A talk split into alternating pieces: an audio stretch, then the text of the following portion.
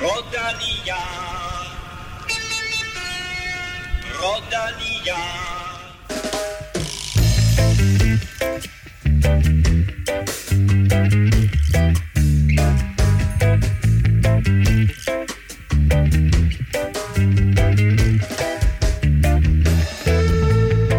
Efter lidt vinterferie er vel Europa Podcast tilbage, og herfra der kører det, tror jeg godt, vi kan love, slag i slag med store løb, monumenter, Grand Tours, OL, VM og meget mere. Og med det, velkommen til mine to slagkraftige eksperter, Kim Plesner og Stefan Djurhus.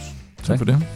Og Kim, øh, hvis vi sådan lige spoler tiden et år tilbage, så havde vi et løb, der hed O Gran Camino. Og ja. Den, der smadrer Jonas Vingård alle andre. Og nu her, der får han sæsonpremiere han, øh, i selv samme O Gran Camino. Sæsonpremiere og premiere med sit nye navn, Jonas Vingegaard Hansen. Eller er Jonas rigtigt. Hansen, som vi vil bare skal til at Ja, omtale så Trine fik lige trumfet den igennem også. Ja. Ud med Rasmussen, ind med Hansen. Ej, det har, det har han jo egentlig heddet et stykke tid, men nu har de officielt Nå, okay. ændret det inde på, på UCI's uh, registrering og, og, deres hjemmeside og sådan noget. Så, så det skal vi måske vende os til, at der nogle gange kommer nogle skilte. Så skal folk Hansen. ikke blive nervøse, så står der måske Jonas Hansen, er eller V. Hansen, eller... Det samme, når der står MC Nielsen. Ja, ja. Ja, Eller, eller jeg kan ikke engang huske, hvad Gregor det er sådan et eller andet... Det er vildt W Gregor og sådan noget. Ja. Så det, det, det bliver også en, øh, en, en lille, et lille spændingsmoment i den her sæson. Men øh, sidste år, der vandt han jo øh, alle etapper på nær den første. Og øh, den første, den, den blev aflyst. Så, øh, så han tog, øh, tog fuld plade i det her Gran Camino. Og øh, man kan sige, de stiller ikke med et dårligere hold. Jeg vil så også sige, at modstanden i år er væsentlig, væsentligt bedre end sidste år. Så øh, det bliver ikke bare walk in the park. Men øh, de har jo ham her, Kian Øgdebrugs med, der får debut for, for, for Visma. Øh, og det bliver, det bliver lidt spændende at se. Kelterman mener også med. Eneste ændring i, i Vingegaards sæsonplan øh, i foråret, det er, at han kører Tirreno i stedet for Paris-Nice. Han er nok lidt skuffet over den der tredje plads. Øh, han, vil, han, vil, han vil vinde det hele øh, i år. Og så kører han jo øh, Baskerlandet og Dauphiné, som han vandt øh, begge to sidste år inden turen, som han vandt sidste år. Så øh, det ligner noget, vi, vi kender. Sådan. Og øh, hvis vi skal snakke om noget, vi kender, eller rettere ikke kender så er der lidt nye boller på suppen, Stefan, i forhold til PostNord Danmark Rundt, som offentliggjorde ruten for 2024 i går. Ja, det gjorde de, og øh, det var faktisk en øh, lidt anderledes øh, menu, de havde, øh, de har lagt op til. Det er, øh, ja, til at starte med, de, de starter øh, i Holstebro med en holdtidskørsel, som man ikke har gjort før i, øh, i PostNord Danmark rundt. Så det bliver egentlig ret spændende. Den er ikke så lang, så det er ikke sådan en kæmpe tidstab, men, øh, men det er alligevel der, at øh, kan man sige, man skal være oppe på dupperne som, som hold, hvis man overhovedet vil, har tænkt sig at være med i, i det her cykelløb, som jo ikke er så langt, og der er ikke så mange muligheder for at kæmpe sig tilbage i, i klassementet, men allerede på anden etape, der kommer øh, Vejle-etappen så, den har, den har jo typisk ligget lidt senere, men, øh, men allerede på anden etape, der, der skal de ind og, og køre i Vejle. Og kan man sige, opskriften på, generelt på Danmark rundt er jo, at man, øh, man kører man kører en, øh, et sted fra den ene by til den anden by, men i, i målbyen, der kører man tre omgange. Og øh, mm. i, øh, i år, der har de valgt nogle sådan relativt hårde omgange til sidst, så, så det kan blive nogle ret spændende finaler, man, øh, man kører i, i Danmark. Man skal ikke sidde og sove på de to første etaper, så kan man godt øh, glemme Ja, alt om det- så- så er det i klassementet. hvert fald- Men så, så, er der, hel- så er der ingen individuel tidskørsel, altså enkelt start. Nej, men, men det der faktisk er lidt sjovt med den her holdtidskørsel, det er, at øhm, det ikke er, normalt så har man set det der med, Nå, at det er fire mands tid, Ja, der tæller. ja, ja. Men her der er det individuelle tider, så øh, vi, vi så det også lidt sidste år, og vi, vi har set det nogle gange før, øh, hvor at holdene kan jo vælge at skyde en mand afsted mm. til allersidst. Så, øh, så der, der, der kan komme lidt mere taktik i spil der, øh, at man, man, faktisk, øh, man faktisk bare får Hvil, sin egen hvilket, tid. hvilket løb var det, vi så det i, hvor, øh, hvor, hvor vi så det her med, at, at der var nogen, der faktisk kørte lead-out for, øh, for deres klassementshåb? Var det Giroen, eller var det et eller andet? Nej, det var ikke Giroen, det var et eller andet Jeg kan heller italiensk... ikke Jeg huske kan det. ikke huske, hvad det var for løb. Det var nok et øh, løb, hvor der ikke var så mange øh, men på holdet. det er det samme, vi sidder og tænker på i hvert fald. Ja, Ja, ja. ja. Nu, nu kan jeg ikke lige huske det. Nej. men, øh, men ret sjovt øh, og, og spektakulært kan det blive, fordi at det giver lidt, lidt flere muligheder for, øh, for holdene at køre sig fuldstændig i, i smadret og sende klassementsmanden øh, derudad. Øhm, Og hvad sker der efter Vejle? Jamen i Vejle, øh, tredje etape, den, øh, den slutter i Haderslev, og øh, faktisk også en, en relativt hård øh, omgang. Øh, der er en bakke på, på den her omgang, de skal køre tre gange. Den er 1,1 km lang og stiger med 4,7% i snit. Så, øh, så en rimelig hård øh, stigning, de, de skal ind og køre i, på finalen. Fjerde etape fra Store Hedinge til, til Holbæk. Øh, den er også relativt, de beskriver den relativt hård, og jamen, hvis man kender Holbæk-området, så ved man også, at det, det går op og ned, men øh, når man kigger på højdemeter og kender Holbæk-området sådan, så altså, det bliver nok ikke lige så hårdt som, øh, som Vejle og, øh, og, øh, og Haderslev etappen, men, øh, men stadig trods alt øh, en, en hård en. Og så slutter de af øh, sidste etape fra Roskilde til Bagsvær, øh, og øh, de sluttede jo også øh, tror det var fire etape øh, sidste år, sluttede i, i Bagsvær Hovedgade, så øh, det, det bliver formentlig en, en sprint afgjort, men, men altså ikke inde på Frederiksberg, som de, øh, som de ofte har gjort. Sådan. Så øh, starter altså i Holstebro og slutter i Bagsvær, og så altså den her nye ting med en holdtidskørsel bliver rigtig spændende. Vi kommer selvfølgelig til at tale meget mere om på Snor Danmark rundt, når vi, øh, når vi nærmer os der. I dag, der har vi simpelthen et kæmpe program til dig, hvor vi skal tale mere Mads P. succes i Provence. Vi kigger frem mod weekendens to store løb, når Umlob og Kørne står for døren. Du kan høre fra en af vores næste store stjerner. Uh, Stefan har interviewet Simon Dalby for Uno X, og vi skal også omkring et par løb, der enten er kørt eller er i fuld gang.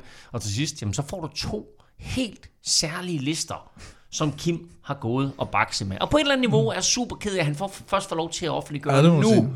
Men uh, det kan vi lige vende tilbage til. Allerførst, en kæmpe tak til alle jer, der lytter med, og en gigantisk tak til alle 10 støtter. I er årsagen til, at vi kan blive ved med at udkomme, og det er vidunderligt, at der stadigvæk er nye mennesker, nye lyttere, der har lyst til at være med og bakke lidt op via tier. Så velkommen til ikke færre end syv nye. Bæklev, Slytter, Jens, Peter, Thomas, Claus og Line. Og til dig, der sidder derude og mangler at tage din første føring, jamen hey, gør som Bæklev, Slytter, Jens, Peter, Thomas, Claus og Line og hoppe med på 10'er-vognen, så øh, er der altså også en vis sandsynlighed for, at du på et eller andet tidspunkt måske vinder en fed præmie. Vi har jo altid Europa Kopper, og så er der noget med os, at vi øh, i shoppen har mhm. øh, dunke og kasketter nu også. Og det kan være, at vi på et eller andet tidspunkt også lige skulle smide det med i puljen. Det tænker jeg. Skide godt, ikke? Så, jeg beder dig om at tage en beslutning her, ikke shop-eksperten. Jeg, jeg, tænker, at, øh, jeg tænker, at øh, næste, næste podcast, øh, der, kan vi, øh, der kan vi smide Sådan, en, ja. en dunk og en kasket i. Jamen prøv at høre. Vi trækker lov om kop i dag, men i næste podcast, der udvider vi simpelthen puljen, så den hedder en kop, en dunk og en kasket. Alt sammen selvfølgelig i lækre Velropa-farver. Du finder shoppen på velropa.dk, hvis du ikke kan vente, så øh, hop ind der og øh, køb eventuelt en øh, dunk og en kasket, eller flere dunke, hvis du har behov for det, til øh, den kommende cykelsæson. Mit navn er Claus Elming. Du lytter til Velropa Podcast. Vi lægger ud med denne uges største etabløb, UAE Tour, der er i gang med sin 6. udgave og har prominente navne som Remco, Adam Yates, Roglic og Pogacar to gange som løbets hidtidige samlede vinder. I dag der blev løbets første af to bjergeafslutninger kørt til Jebel Jais, og Kim, det blev ganske dramatisk. Ja, mest øh, ikke så meget øh, cyklerne dramatisk. Faktisk øh, var der en, der hoppede af cyklen, og det var Adam Yates, som jo er en af de tidligere vinder, og med, med godt 10 km til mål, der, der var der et styrt i, øh, ja, sådan den, den, den første tredjedel af feltet i hvert fald, og, og, øh, og så røg han med ned der, og, og øh, kommer op igen rimelig hurtigt, men øh, ej, det passer ikke, at det var det, det er 10 km før mål. Det er der, hvor han så vælger at udgå og gå over til stopper, simpelthen kører ind i siden og siger til sportsdirektøren, jeg skal ikke, øh, skal ikke med videre op ad det bjerg her. Øh, så det var noget af en streg i regningen for, for, for UAE. Øh, og selve stigningen, kan man sige, den har man kørt før, den er ikke den mest spektakulære. Det er sådan noget bred vej, og, og ikke, ikke alt for store, øh, ikke alt for store stigningsprocenter ja. og sådan noget. Så det, det var det her med, med Ejner Rubio, der, der, der vandt sidste år. Han stak afsted, men Mikkel Bjerg, han ligger faktisk i, øh, ja, på hele den afsluttende stigning der, nærmest øh, til, til meget kort før mål, der ligger han simpelthen bare og holder ham fuldstændig stille og roligt, den lille bjergrytter der, øh, og haler ham ind. Sørger for, at UAE-holdet kommer, kommer op så tager Ben O'Connor lige fusen på dem til sidst, øh, og, og snupper etappesejren 5 øh, sekunder foran Jay Vine, men, øh, men Jay Vine fører så i, i det samlede, og er nok ham, de så satser på i stedet for Adam Yates på, på UAE-holdet, som jo er naturligt. Men ærgerlig sæsonstart selvfølgelig for, for Adam Yates. Ja, at, han så lidt, uh, så lidt groggy ud, og jeg så også flere på, på uh, sociale medier, der mente, at, at det var lidt uforsvarligt, de bare lader ham køre videre, når, når altså ikke tester ham ordentligt for det her uh, hjernerystelse, hvor der er de her procedurer for, hvad de egentlig skal gøre. Men, men det er jo det, vi har talt om tidligere, at når, når, når klaveret spiller, og hvad så? Skal du så stoppe din store favorit i sådan et løb, ikke? Det, det er lidt nemmere på en, en, en fodboldbane eller et eller andet, hvor du kan, hvor du kan lægge Mm. lidt tid til. Ikke? Her der kører, kører løbet bare videre. Men, øh, men Men det, han, er, så det er til, blevet... han, han så ud til, altså for det første så han groggy ud, for det andet så så han ud til at tabe en, en 10-12 minutter, og øh, så trak han så stikket, men der, altså, det er jo, hvad skal vi sige, det er jo øh, uheldigt, at der ikke er nogen, der tager beslutningen for ham. Ja, og han, da han står af der, så siger han, ja, I'm okay, øh, men han har åbenbart kunne mærke et eller andet, at øh, ja. altså, du ved, øh, for forsigtighedens skyld, så, så, så står han af der. Det er jo større er løbet heller ikke, det betyder meget for deres sponsorer, af naturlige årsager, men, øh, men selvfølgelig ærgerligt, at, øh, at så stor en rytter, han, øh, han, han hopper ud. Lad os hoppe øh, til øh, første etape, fordi den blev vundet af Tim Malier øh, i et øh, i øvrigt meget stærkt sprinterfelt. Han vandt foran Arve Klein og Jakob Moretsko, øh, og som er store navne som Fabio Jacobsen, Sam Wellsford, som vi har talt en del om på mm. det seneste, Fernando Gaviria, Caden Groves, øh, Olaf Koy også, og øh, Pascal Ackermann øh, var øh, også øh, i øh, top 15. Og jeg ved faktisk, Kim, at, at du har et godt øje til, øh, til Tim Malier i den her sæson, og det skal vi høre mere om lidt senere, men øh, sikke en sæsonstart, han har fået. Ja, det, det, han er kommet, øh, kommet godt fra start, kan man vist roligt sige. To etappesejre og en, øh, og en tredjeplads samt øh, pointtrøjen i den her Al-Ula-tur, og så den første etape i UAE-tur, og som du siger, et ekstremt stærkt øh, sprinterfelt. Mm. Mm. Jeg tror, det var, var det Sam Bennett eller sådan en, der sagde, at, at, øh, at det var, han kunne ikke huske, hvornår der tidligere havde været så stærkt et, øh, et sprinterfelt faktisk. Mm. Øh, og, øh, og godt for ham at komme, øh, komme godt fra start øh, til Malier, fordi de har fået et par, par unge herrer, i ham her, Paul Manier og, øh, og Luke Lamperti, som, øh, som øh, også er nogle virkelig, virkelig hurtige gutter i, øh, i, i lige omkring 20-årsalderen, ikke? Og, og det, Tim Malier har vist lige rundet de 30, så, så jeg tror, han skal, han skal også afsted, hvis, mm. hvis han skal hvis Men han godt skal at se, at han stadigvæk kører stærkt jo. Ja, ja. Så anden etape var i går. Det var faktisk en enkelt start. Øh, tirsdag. Øh, to danskere, øh, som vi vil godt kunne tillade os at kalde specialister i disciplinen, var blandt outsiderne Mikkel Bjerg og Johan Price Pejdersen. Og så med norske, den tidligere verdensmester, Tobias Foss, angiveligt på en 68 klinge. ja. Der går, lidt, øh, der går lidt sport i de der store klinger, synes jeg, efterhånden. Men, øh, Jeg har sat en 80'er på min. Nej, jeg så i, var det ikke i Algarve Engelstaren, hvor de var sådan lidt, øh, hvor ah, vi har sat en 62'er på Remkos. Ja, Ja, ja, og sådan lidt, nu er det badass, ikke? Og så, så kommer der sådan en 68'er lige pludselig. Ja, altså kan man sige, øh, det, det er en hurtig enkeltstart, ikke? Og, men, men, men mange gange, så, så er der også noget, noget aerodynamisk fordel ved at tage en, en stor skive foran, fordi at, det, og det kan jeg huske, det har Martin Toft, vores danske enkeltstartspecialist, som jo øh, ved stadig er tilknyttet Bahrain som, øh, som AO-coach. Øh, han gjorde det i, i gamle dage også, fordi at øh, når, når du kører på en, en større klinge, så kan du have kæden på midten af kassetten, i stedet for at du skal ned i elveren. Øh, det betyder både, at du får et mere lige kædetræk, men også at bagskifteren det bliver lidt mere gemt i cyklen og ikke stikker ud. Øh, så Det lille, er, det er lækre nørderier, det der. Ja, det, det, var, det er meget, meget små detaljer, derfor er det måske ikke været så udbredt, men, øh, men det er formentlig derfor, at de gør det. Øh, Det kan være fordi, at de gerne vil have, øh, hvis det, hvis det er en hurtig enkeltstart, øh, man gerne vil have et højt gear, men, men samtidig også nogle, nogle små fordele. Så, mm. så hvis det bare er så nemt at smide en øh, 62 eller 62 på, øh, eller hvad, 68 eller 62, så, øh, og, og det giver et, et, kan man sige, en lille bitte smule, så, så hvorfor ikke, hvis man er, hvis man er med til at, at køre om sejren, men, øh, Men det virker jo næsten sådan, sådan en, en, en banesprinter, som tager nogle virkelig hårde tråd lige til at starte med, for overhovedet at få cyklen op i omdrejninger, ikke? Og så Jo, det trykker han bare igennem. bortset fra, at de ikke kører med gear der. Men, øh, Jo, jamen, selvfølgelig, men altså, du er Ja. lidt det samme, ikke? Altså, når man har sådan en 68. Jeg ved ikke, er der en lille klinge på overhovedet? På en banecykel? Eller på, Nej, på, på øh, altså sådan en 68 klinge. Øhm, det kan man jo vælge at have, eller, eller ikke. Øh, men jeg vil nok, altså, det, det er jo lidt delte meninger igen. Flere og flere går væk fra det, ikke, kan man sige.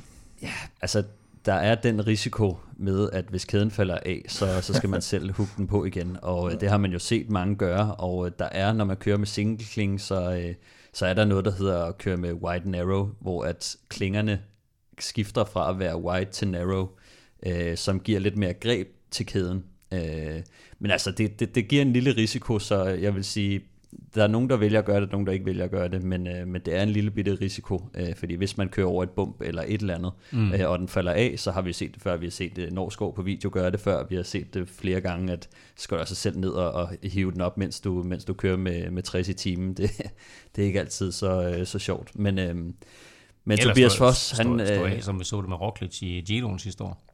Ja, ja, præcis. Men, øh, men Tobias Foss, han, øh, han, han vandt desværre ikke med sin, øh, sin 68'er, ellers havde det nok været en større historie. Mm. Øh, det var i stedet for en, en total UAE-dominans. Øh, de to, øh, hvad hedder det, både nummer 1, 2 og 3 på, øh, på enkeltstarten. Øh, McNulty, han vandt foran Jay Vine, og så med Mikkel Bjerg på tredjepladsen, og sidste år snakkede vi faktisk også om det her med, at de var skiftet væk øh, fra, de havde skiftet dæk, de havde skiftet en masse ting på cyklen for at blive hurtigere og mere aerodynamiske.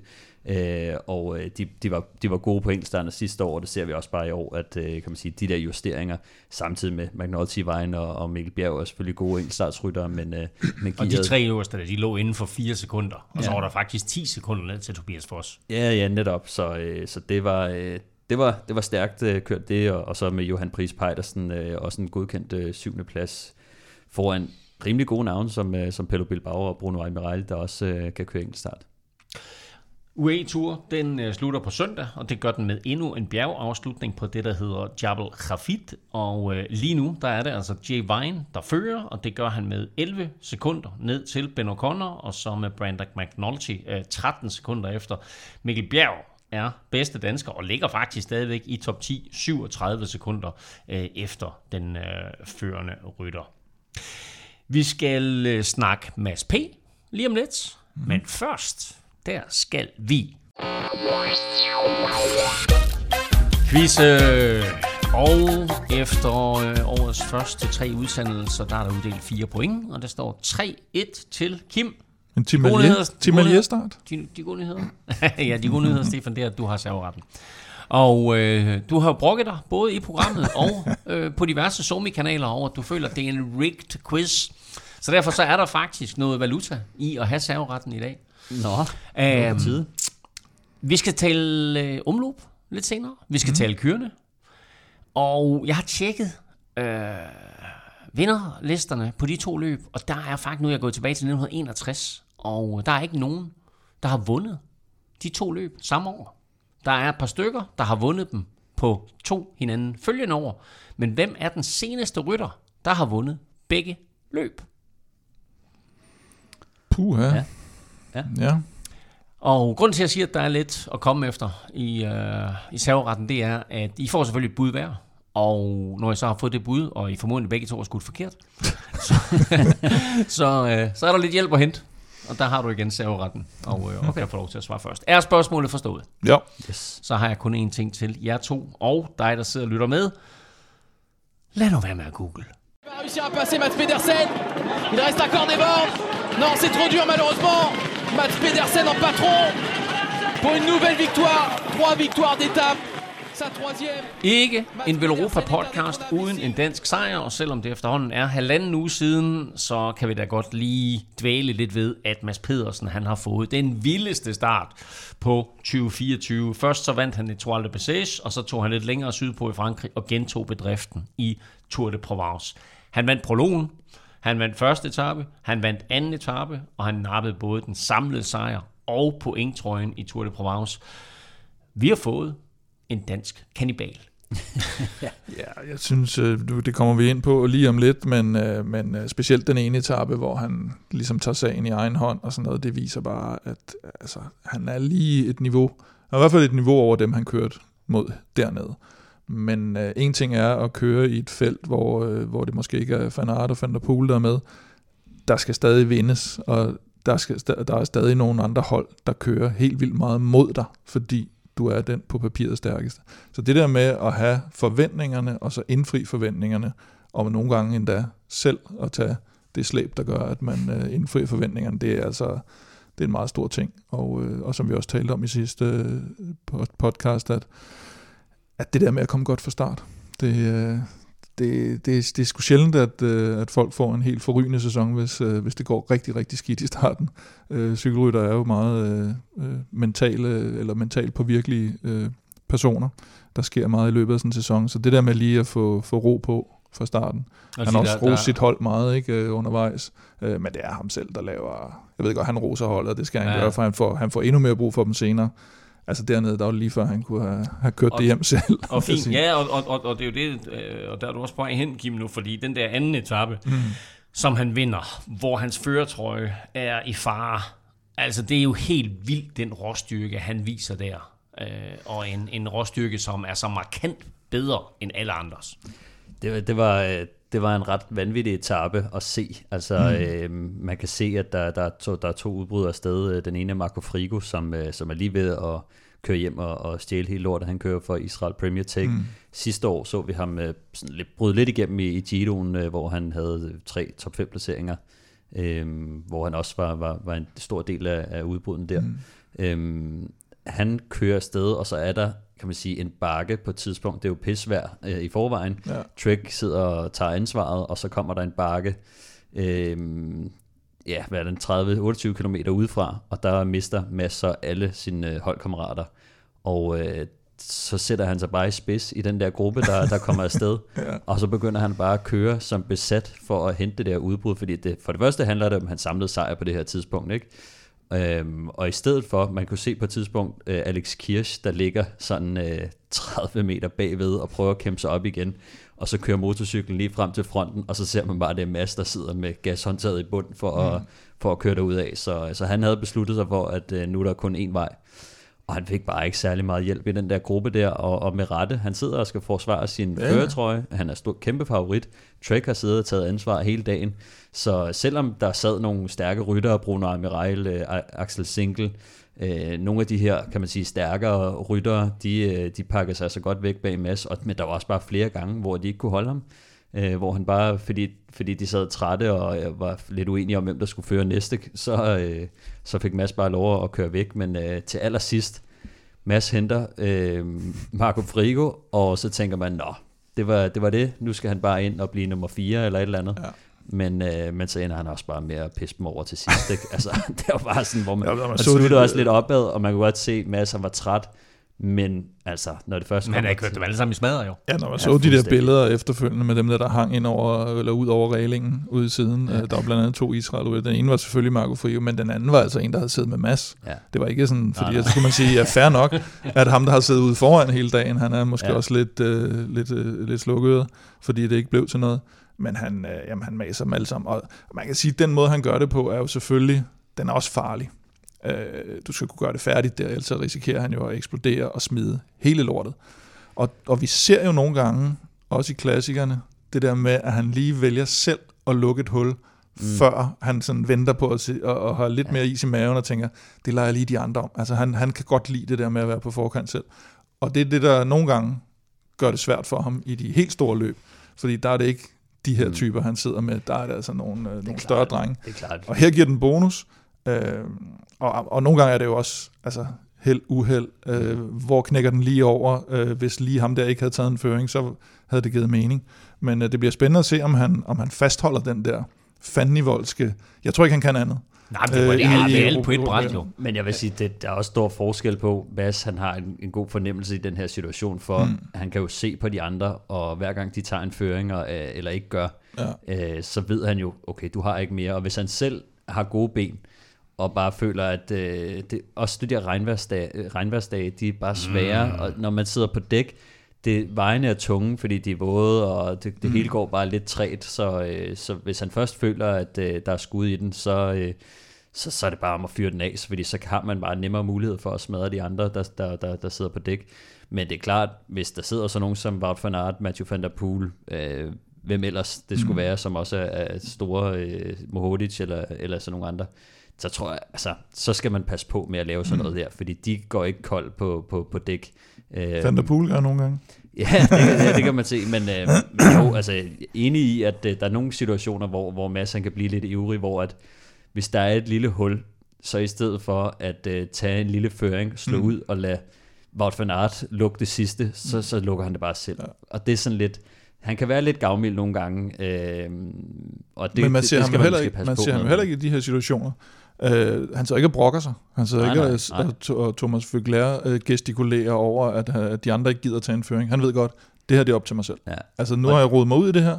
Jeg er nødt til selv at gøre det Men færdigt. det synes jeg også, det viser faktisk også bare den klasse, som, som, som Mads har. Ja, ja. At når han sidder i den situation, han har føretrøjen, han er stor favorit, der er ikke noget pis. Altså, mm. der, der ved han godt, at øh, det, det er meget muligt, at han skal til at køre den her øh, det her udbrud ind og, og måske tabe spurten, øh, men i sidste ende så, så ender han også bare med. Første prioritet var selvfølgelig at udbruddet ind og, og beholde mm. føretrøjen, men at han så også har overskud til at smadre de andre øh, i den der spurt der, og der vinde ganske komfortabelt, han vinder med en cykellængde. Mm. Øh, det var altså det, det, det var så imponerende, øh, og, og, og det var så meget bare Mads er bare bedre end alle andre. Ja, og så sagde han jo faktisk selv bagefter, at det havde været den værste dag på cyklen nogensinde.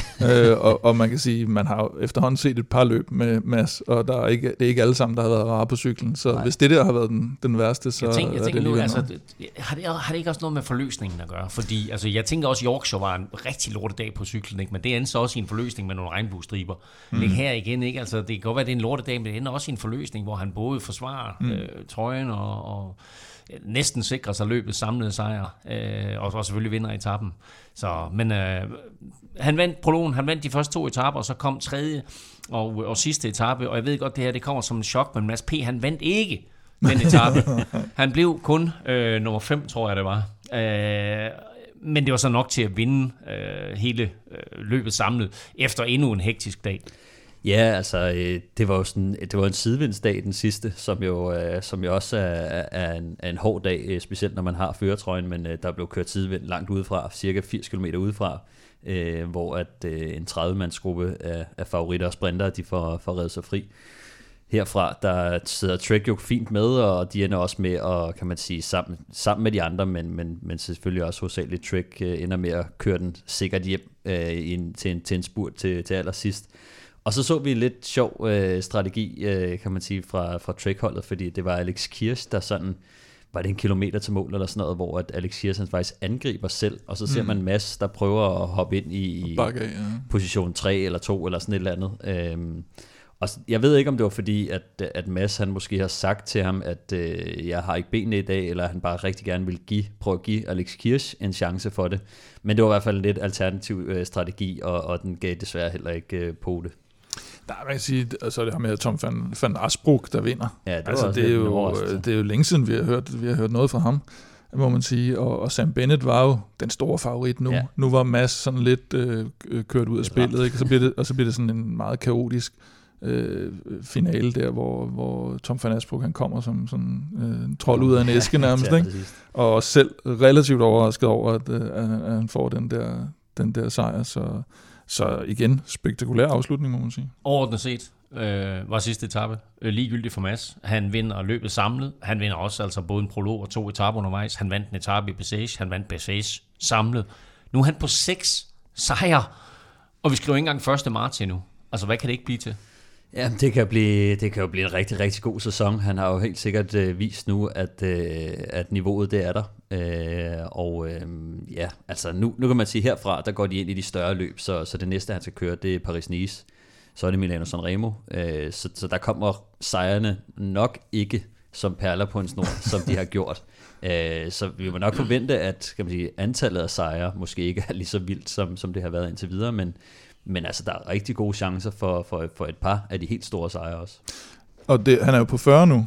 Vi havde jo seneste udsendelse, der havde vi jo det her med Rolf Sørensen, og hvor mange sejre ja. Rolf har. Det har vi jo også fået afklaret i mellemtiden jo. At det er, at det er 51, 51 i stedet ja. for 52, fordi der var et nordisk mesterskab, der lige pludselig var blevet talt med som et dansk mesterskab, som, øh, som, som slet ikke mm. var, var et, der skulle tælles med i UCI-regi. Så han er på 40 sejre, Rolf har 51, der er 11 op, man kan sige, han har allerede vundet 6 stykker så tidligt. Hvad, hvad kan det blive? Men som Stefan siger, sæsonplanlægningen, og det her vi også har været inde på tidligere, han går efter de store løb, han går efter specielt at vinde et monument. Altså mm. det er jo det, der driver ham nu. Mm. Så øh, han kunne jo sagtens stille op i nogle mindre løb, og så slå, øh, så slå Rolfs rekord i år allerede. Det vil, det vil være nogenlunde nemt for ham. Der er ikke noget, der er nemt i cykling, men nogenlunde nemt.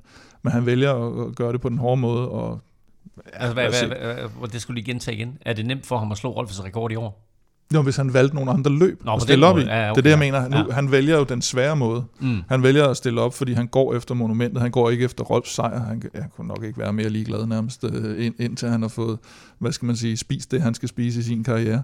Øh, så, så, så det andet, det er jo noget, man kigger på, sådan, og, og, og med det tempo, han er på lige nu, så kommer han jo til at overgå Rolf. Øh, mm. Det er der ikke nogen tvivl om. Øh, så, så det er fedt, at han, øh, han, at han, at han ligesom kører efter at, at vinde det der monument, for det er det, han, det er det, han mangler, ikke? Hvis øh, årets cykelrytter 2024 skulle uddeles nu, mm. så var Mads Pedersen stensikker vinder. Ja, måske. Øh, altså i hvert fald med, set med danske øjne. Ikke? Årets danske cykelrytter, så tror jeg, han var stensikker vinder. I forgårs, der uddelte Danmarks Cykelunion så årets cykelrytter for 2023. Og der vandt Mads P. Sørme også. Og det vil sige, at Mads altså blev årets danske cykelrytter foran ham, der blev kåret til verdens bedste cykelrytter ja. sidste år, Jonas Vingegaard. Altså undskyld mig, men det giver ingen mening. Han vandt jo kun øh, den samlede sejr i Tour de France, og hvad havde han, 15 sejre, og Baskerlandet rundt, og Dauphiné, og Gran Camino, og forærede øh, Vuelta-sejren, og havde to etapper i Vueltaen også. Så øh, skal ikke så meget til at slå det jo. Nej, det, det, det er jo selvfølgelig noget pjat. Altså det, det giver ikke nogen objektiv mening øh, at, at, at gøre det sådan, men, men hvis man skal se på, hvorfor det så er det, det ender sådan alligevel, så skal man jo kigge på den måde, der bliver stemt på i den her afstemning, og det er øh, dem, der har licens i Danmark, danske licensrytter, der, der, der stemmer om det her. Og, øh, og der er der jo ikke nogen tvivl om, at øh, det ved Stefan selvfølgelig meget mere om, men der er jo man kender hinanden på kryds og tværs. Øh, Mads har en kæmpe rolle i dansk cykelsport, har, øh, har selv været med til at, at, at, at skabe et cykelhold herhjemme. Han er den her joviale, øh, likable øh, rytter, når vi ser ham på tv. Vi så det under turen øh, sammen med Skelmose. Så når de sidder og skal, skal sætte deres kryds ved en eller anden, så er, det, så er det måske ikke kun resultatlisterne. Og nu Jonas har vundet, ligesom okay.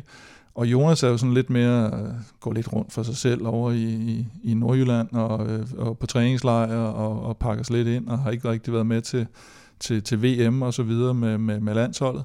Så når de sidder og skal, skal give deres stemme, så er, det, så er det måske lidt nogle andre parametre, der, der spiller ind nogle gange også, at man en, betragtes som sådan en kammerat, en vedeløber, alle sådan nogle ting. Øh, og det tror jeg, man så nogle gange stemmer med, fordi kigger du på resultaterne, og det som årets cykelrytter nok egentlig, hvis man kigger ned over, hvem der er blevet kåret, så er det jo ofte store resultater, da Lasse Normand vandt OL i, øh, i London, så er det klart, så, så, så får han ligesom titlen, og det er jo ikke fordi uh, Lasse Normand ellers lavede så meget det år, det var fordi han vandt den her mm. uh, guldmedalje. Og for ligesom at underbygge den uh, forklaring, så for dem, der ikke, uh, ligesom Stefan jo uh, helst ved noget efter 1990, så tidligere har vi været ude for, at vi havde en cykelrytter, der hed Rolf Sørensen, som vi lige har snakket om, som mm. havde de her 51 sejre. Og så kan man jo lige lave en lynhurtig quiz og gætte, hvor mange gange han er blevet årets cykelrytter.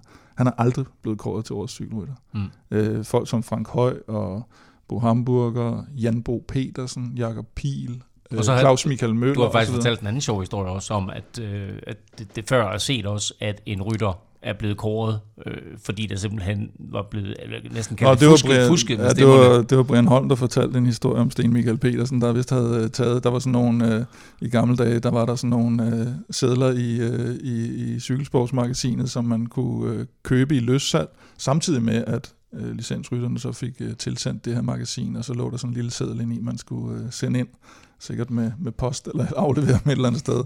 Og så øh, Sten Michael Petersen havde vist øh, havde vist fået øh, gaflet lidt mange eksemplarer af det, det cykelsportsmagasin der. Så, Eller havde øh, arbejdet over og, så, og, i en kiosk og finde cykelsportsmagasiner og, altså, og tage alle stemmesedlerne ud, og så, ja. og så øh, få det, venner og familie ja. til at fylde dem ud. Men der har været meget, altså specielt dengang med, at Rolf ikke vandt og sådan noget, og der har også været nogle, nogle tidspunkter. Og det der med likable, du havde det også lidt med Michael Rasmussen, dengang han kørte og sådan noget, at, at det der med, om, om du øh, ligesom er, hvor velanset du er, øh, blandt de, de hjemlige licensryttere. Det, det, det betyder noget. Det er jo mere sådan, øh, jeg vil nok sige, det er mere sådan årets forbillede for dansk cykling, øh, der bliver kåret her. Ikke? Altså, Nogle gange, ja. Jeg synes, øh, jeg har jo også været med til at brevstemme øh, mm. tilbage, altså lidt tilbage i tiden, men, men der er så mange gange, hvor at, at det bliver sådan lidt fusket. Øh, men kan du huske, hvordan du stemte? Fordi stemte du på sådan en, du rigtig godt kunne lide, eller stemte du på den, som du synes har klaret sig aller, allerbedst? Jeg stemte på Fuglsang. det er der ingen, der tror på, jo. øhm, nej, men det, det er måske ikke så meget. Altså, jeg synes, årets cykelrytter, den plejer man sådan at tage seriøst. Men der er rigtig mange andre. For eksempel, så skulle man stemme om, om årets klub. Og selvfølgelig er dem, der har flest licenstager, de vinder jo. Mm. altså sådan, mm. eller, eller nogen, der har sørget for en eller anden måde, hvor de kan tilsnuske sig nogle, nogle ekstra stemmer, eller årets øh, event, eller et eller andet. Der var sådan nogle ting, hvor man, man sidder og så tænker man, ja ja, men altså, det er jo bare dem, der har skaffet flest stemmer. Det er jo ikke sådan en objektiv øh, sådan sige, konkurrence. Øh, mm. det, det er hvem, der har flest, der, der bakker op. Så jeg vil sige, den, altså, jeg synes, det er meget, det er en meget fed pris at, at få, men jeg tror også, altså, det er mere sådan en masse, han er en fed person. Øh, han gør mange ting Det er en stor anerkendelse at få den uanset, øh, det synes jeg, hvilket ja, resultat du så har lavet. Det synes jeg helt klart, men det er jo, kan man sige, det er jo måske lidt ærgerligt, at, man, at den så hedder årets cykelrytter, når, når vi så har nogen, der har leveret resultater, der måske lige er lidt over masse. Man skulle måske gøre ligesom øh, de vigtige de vigtige koringer, som Vel Europa Awards, og lave flere kategorier. Det kunne man også ja. overveje. At lave uh, lidt, lidt sådan noget fidusbamse og sådan noget.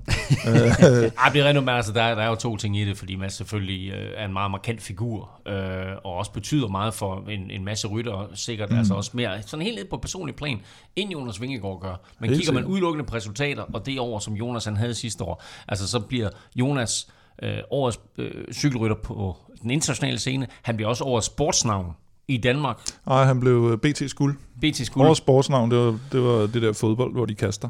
Nej, hvad hedder det? Fod, håndbold, håndbold, håndbold, håndbold. fodbold, hvor de kaster. Ja, nej, det, ja, det er rigtigt. Ja. Ja. Så, øh, men, nå, øh, kvinderne fik selvfølgelig også øh, uddelt øh, deres pris, og der gik øh, årets øh, cykelryller helt fortjent Stefan til Cecilie Utroblodvig. Ja, det vil jeg sige. Også, også sportsligt, der, der ligger hun så også i, i toppen. Hun havde en, en, en ret, ret god sæson. Uh, hun uh, blev nummer 3 i, i Strade Bianche. Hun blev nummer 6 i Giroen samlet. Nummer 7 i turen samlet. Hun blev nummer 3 til VM. Hun blev nummer 3 til VM. Det, det er næsten, jeg tror også, en, en af, altså det er ikke en sejr, men jeg tror, det er en af de største sejre ja, det var, for hende. Mm, ikke? Det, var, det var nok, øh, kan man sige, det, det helt store mm. uh, resultat for hende. Uh, hun, hun vandt også to etapper i Tour of Scandinavia og blev nummer 2 samlet. Og så sluttede han sæsonen af med en, øh, også en rigtig flot sejr i kvindernes Giro dell'Emilia. Ja, så rigtig, rigtig flot sæson. Og det vi også skal huske øh, i forhold til det her med, hvem der nu vinder og sådan noget, og, og, og, og det kan vi sidde og diskutere. Andre gange kan man også diskutere det der, er det vigtigst at vinde det ene dags løb, eller det tager beløb. Her, her er der ikke så meget at snakke om med resultater. Men grund til, at vi sidder og diskuterer alt det her, er jo fordi, vi har så sindssygt gode cykelryttere lige nu. Mm. Altså i en, i en anden sæson, så var Andreas Kron jo blevet øh, øh, årets cykelrytter på sin etappesejr i Vueltaen. Mm. Altså, ja. han er jo ikke engang, altså, han er ikke engang i nærheden af at komme, komme i betragtning til noget som helst der, vel? Så, så man skal også kigge lidt på, hvad det er for en, øh, en, Jamen, øh, altså, en tid, man, øh, man, er, man er med i. Jeg tror, vi sidder her i 2021. Godt, du lige fornævner kronen. 2021, ikke? Jonas, han bliver to år i mm. Tour de France. Og vi sad og tænkte, hold kæft, mand, det er en vild sæson for dansk cykling. Ja. Så kommer 2022, hvor han vinder turen, og vi har et hav af andre sejre. Også gå tilbage til 2020 og 2021, ikke, hvor vi ja. har monumentsejre øh, til, til danske rytter. Øh, 2022. Hvad var? Bare en, ikke? Ja, vi vinder, ja. vi vinder Flandern rundt, ikke? Og, og, og oh, ja. Fuglsang vinder Lombardiet. Ja, øh, og Strate. Øh, ikke Strate, hvad hedder Liège. det? Liège, ja. Øhm, og så, øh, så kommer 2022, Jonas vinder turen plus alt muligt andet. Vi vinder mm. 2023, ikke? Altså, Jonas vinder turen plus alt muligt andet, han vinder. Skelmose ja. vinder alt det der, ikke? Ja. Øh, Mads har en vild sæson. Øh, Kron, alt muligt andet. Det er fuldstændig vanvittigt, mm. hvad det er sådan, at, at vi sidder her øh, og vinder øh, som, som, øh, som danske cykelrytter. Så altså, det er også en, en, en vild æra, vi er inde i, og som du har, ret, du har fuldstændig ret i, Kim, ikke? at øh, der er mange af de der rytter, de har vundet i et givet andet år. Ja, Men altså, super det, sæson, det, det, det vi ligger og præsterer i øjeblikket som nation, det er helt crazy. Ja. Øh, og det er, de, det er de rytter, som vi har gang i lige nu, fordi når vi så kigger på fremtiden, så var der jo heller ikke nogen tvivl om, at årets talent skulle gå til øh, 17-årige Albert Witten Philipsen, som jo også mere eller mindre vinder øh, alt, hvad han øh, stiller op i. Lad os øh, hoppe videre øhm, og komme omkring et par af de andre store løb, der er kørt. Og så lige om lidt, øh, der kan du også høre fra en øh, ung dansker, som har et øh, kæmpe talent, som vi kommer til at snakke meget mere om. Men øh, vi lægger ud med øh, det løb, der hedder Classic Var, som jo tidligere var kendt som øh, Var. Øh, for der skete nemlig noget ganske kontroversielt. Skal vi kalde det for øh, Tobias Johannesen Gate?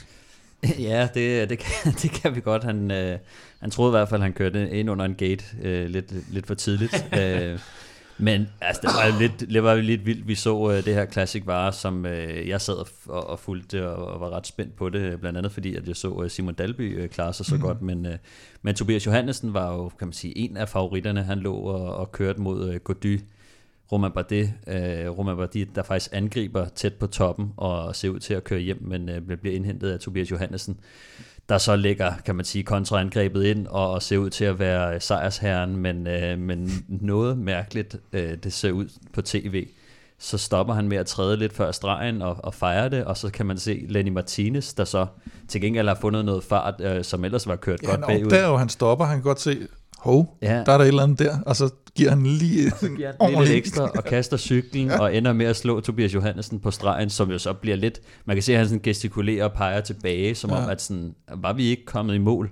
Ja. Øhm, og og det, det så bare fjollet ud, ikke? Og, og jeg tror også, at øh, ja, der, der blev lavet lidt sjov med det, og det var en stor ting på, øh, på sociale medier bagefter, ikke? Alle skulle ligesom se den der episode, men øh, jeg spurgte jo Simon Dalby om, øh, om det, så, så, så det kan vi lige høre. Øh, Ja, om lidt. fordi altså en, øh, Simon øh, Dalby der, øh, en ung dansker, som vi jo godt kan forvente os rigtig, rigtig meget af. Han er lige blevet 21 her i januar, kører for Uno X's udviklingshold. Han var med i, i Classic Var, og var jo helt tæt på den her mærkelige situation med Tobias Johannesen, og så endda også involveret i et styrt med ham et par dage efter. Øh, du fik en snak med ham, Stefan, øh, om øh, også blandt andet, hvad der har medvirket til hans meget, meget øh, flotte sæsonstart. Jeg blev, blev færdig med at gå i gymnasiet i, i sommer, så jeg tror bare, at det har gjort, at jeg ligesom har haft mere tid til at, øh, til at kunne fokusere 100% på, på cykling. Gå et, et step op i, i, ja, i de fleste ting, der ligesom omhandler cykling. Øh, kost, træning, øh, søvn, alt det der har ligesom bare kunne ja, blive prioriteret øh, endnu mere end før. Du er jo lige vendt hjem fra Frankrig, hvor du har været nede og køre øh, to franske løb, men øh, særligt det første, det her Classic Var, det, øh, det gik jo rigtig godt for dig. Ja, det var, øh, det var en, en, en god dag, hvor vi øh, ja, kørte rigtig godt som hold. Øh, havde selvfølgelig fuld fokus på, at, at vi skulle vinde med, med Tobias. Så ja, øh, holdet fik, fik passet ham rigtig godt op øh, og, og leveret ham perfekt. Og ja, jeg ender med også at, at ligesom få, få mulighed for at køre min egen chance. Øh, efter jeg ligesom havde, havde siddet med, med Tobias i finalen, øh, kunne jeg så øh, få lov til ligesom at, at skyde den af der øh, og få en, en top 10. Øh, og så, øh, ja, så vinder Tobias så næsten. Øh, ja, det vender, det vender jeg lige tilbage til om lidt, men hvordan var det at sidde blandt de der store stjerner som Roman Bardet og Gody og Michael Woods og sådan noget øh, til allersidst på sådan en øh, lang stigning? Jo, men altså i, i momentet tænker man ikke så meget over det. Der er det jo, der er det jo cykelløb. Øh, så jeg tror ikke rigtig, jeg tænker så meget over, hvem, hvem det er, jeg lige sidder med. Der, altså, der handler det bare om at, at gøre det bedst muligt. Men det, det er klart bagefter. Også, altså, at tænke, det er lidt vildt at tænke over, at jeg ligesom har kørt fuld finale mod Roman Bardet, øh, som jeg jo har, altså, har set køre Tour de France for, for 10 år siden. Øh, og ligesom har fulgt ham mange år. Det, det er lidt sjovt, at jeg nu øh, kører fuld finale mod ham. Ikke? Du ender jo som sagt øh, top 10, du ender nummer 8. Blandt andet ender du foran øh, stortalentet Romain Gregoire, Nance Peter, Chris Hamilton og Dylan Tøns. Det er, altså, det er noget af nogle navne, du, øh, du alligevel øh, slår der til sidst. Vidste du godt, at du havde det her niveau, eller kom det også lidt som en, som en overraskelse for dig selv? Mm, jeg ved ikke, om det var en, en decideret overraskelse. Altså, jeg, jeg, jeg vidste godt, at ja, jeg kørte rigtig gode tal herop til, til sæsonstart, øh, og havde en, en, en god sæsonstart nede i Tyrkiet, øh, som også var, var et, et, et profløb, men, men trods alt et, et andet felt. Øh, jeg havde selv, og, og holdet har også troen på, at jeg ligesom kunne, kunne være med øh, godt op i, øh, i toppen i, øh, i løbet der. Øh, men der er selvfølgelig også forskel på ligesom at tro på, at, at man kan, og så til rent faktisk at gøre det. ja, præcis. I det her klassik var, der blev jeg nødt til at spørge dig øh, ind til din holdkammerat Tobias Johannesen. Han kommer til at fejre sejren, øh, kan man sige, et, et par meter for tidligt, som resulterede i, at han blev overhældet på stregen af, af ham her, nogen, øh, Lenny Martinez. Hvad, hvad snakkede I om efterfølgende, eller havde han noget at sige til det bagefter? det man kan sige, der er, at, at, at Tobias jo egentlig øh, tror, han er i mål, da han fejrer. Øh, fordi at man der 20 meter før stregen kører under en form for øh, portal, eller øh, hvad man skal, skal sige. Altså, der er ligesom en, en øh, form for øh, stativ hen over vejen. Øh, og ved, ved målstregen var der ikke det. Der var der bare sådan nogle banner ude siden af vejen. Når man ligesom kom kørende med, med 200 puls, og lige havde set, der var 200 meter skilt, altså 100 meter skilt, så, så tror jeg, det er meget naturligt ligesom, at tro, man er i mål, når man kører under en, en, en banner eller en portal der. Prøvede jeg også selv. Jeg, jeg stoppede min, min Garmin ved den portal, øh, for så at finde ud af, at øh, målet var 20 meter senere. Uheldet var jo, altså det fortsatte jo faktisk lidt, fordi at øh, I kørte jo også sammen i Almar Team bagefter, hvor han jo desværre styrte og brækkede kravbenet et, et par dage senere. Er det noget, som, øh, som ændrer planerne for ham eller for, for, for jer på holdet nu? Selvfølgelig rigtig, øh, rigtig træls for, for holdet øh, for ham. Og et ret træls tidspunkt lige her før Strati Bianche og Tireno og så videre, øh, som, øh, som han selvfølgelig var, var tiltænkt til at, til at skulle køre. Jeg tror, at altså, Strati Bianchi kunne han jo virkelig have gjort det godt i. Så ja, nu, øh, nu er han selvfølgelig ude et stykke tid her med, med brække kravben. Altså inden jeg, jeg lige kan se på dig, så, øh, så kan, altså, vi kan jo se, at du, du er god i bjergene. Er det også der, du sådan i, i fremtiden tænker, at øh, det er der, du skal, skal sætte dine store mål? Jo, det er det, ligesom, prøver at arbejde hen imod. Nu har jeg et, et år, øh, den her sæson tilbage på, på Devo-holdet, før så næste år øh, rykker op på, på Prof-holdet. Øh, så i år der håber jeg på ligesom at kunne, øh, ja, kunne ligesom øh, cementere mig øh, fast i, i toppen af U23, øh, U23-klassen i øh, Lavenir er blandt andet et, et rigtig stort mål for mig. Men det at Lavenir er så selvfølgelig også et, et VM til efteråret, som jeg, jeg håber på at blive udtaget til, som også lige er ret godt til mig. Spændende med Dalby. Stefan, fedt du fik fat i ham. Øh, kan han blive den næste Skelmose eller Vingegård? Det er, det er måske lidt høje forventninger at have til ham, øh, i hvert fald på nuværende tidspunkt, men, øh, men han er et stort talent, øh, som har måske flået lidt under radaren øh, for, for mange. Jeg, jeg synes, vi snakkede lidt om ham til Tour de l'Avenir sidste år, hvor han var vores øh, store håb der, men øh, han har lavet et kvantespring i år, øh, som vi kan se, øh, blandt andet her i, i Classic Var. Øh, og så har han jo allerede fremtiden på plads med, med, med mm. Uno X, altså voksenholdet fra, fra 2025 og 26, så vi kommer til at se ham noget mere. Og hvad, hvis vi lige kigger på i år, altså nu nævner du selv Tour de l'Avenir, er han et, et, et håb for os sådan i Tour de l'Avenir i år, og måske endda i u 23 VM? Ja, det, det, det er jo de store målsætninger for ham også, øh, så, så, så det vil jeg mene, at øh, han, er, han er et godt bud på. Altså nogle af de præstationer, han, øh, han allerede nu har leveret, hvor han sidder med nogle af verdens bedste cykelrytter i, i bjergene, det plejer at være det niveau, der skal til, hvis du skal være med øh, på, på øverste hylde, også i U23-løbene. Øh, og så vidt jeg lige kan se på det, så, så ser det også ud til, at han, han formentlig er vores øh, bedste bud på, øh, på en sejr i Tour de l'Avenir og, og, kan man sige en, en medalje til VM. Han skal, Simon øh, Dalby, han skal i vælten allerede igen for UNOX øh, her i weekenden, og det er vel at mærke for profholdet. Det er ikke engang for uh, development-holdet. Ja, men det er jo det, når man kører på development, så kan man jo blive trukket op uh, som, kan man sige, som, som lånerytter for sit eget mm. Devo-team, og uh, det gør man jo med nogle af dem, som man gerne vil udvikle på, og, uh, og kan man sige, han, Simon Dalby, han imponerer, og får jo også en, en fri rolle, uh, som han lige uh, selv uh, beskriver. Uh, han skal køre de to franske. Uh, et pro-løb først så for Ardèche, og så skal han køre Drome Classic. Det var det her løb, som Vingegaard han vandt mm. for i år. Så hopper vi lige smut til Portugal og til Volta og Algarve. Øh, fem etaper, hvor flere store kanoner var med. Løbet gav et indblik sådan i flere rytteres form tidligt på sæsonen her. Og den helt store vinder, det er, hvad vi godt kan kende, en velkendt skikkelse. Ja, det var Remco Evenepoel, som jo kan man sige også igen i år er, er, er godt øh, fra start. Han, øh, han vandt samlet, efter han øh, kan man sige, vandt den her 22 km lange øh, enkeltstart øh, og, øh, og det gjorde han jo i, i ganske overlegen stil, som, som vi plejer at se ham øh, på de to øh, bjergrige øh, etapper. Anden etape, der sluttede på Alto Foya, og femte etape, der sluttede på Alto do Malho. øh, der blev han til gengæld slået af en ret storkørende Danny Martinez, der er jo kommet til, til brugerholdet.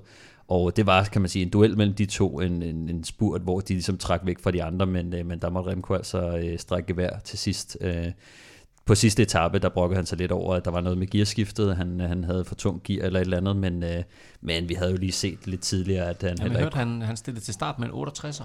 ja, han må køre med en 68'er. ja, Ej, han sagde, at han kunne, kunne køre stor klinge hele vejen op.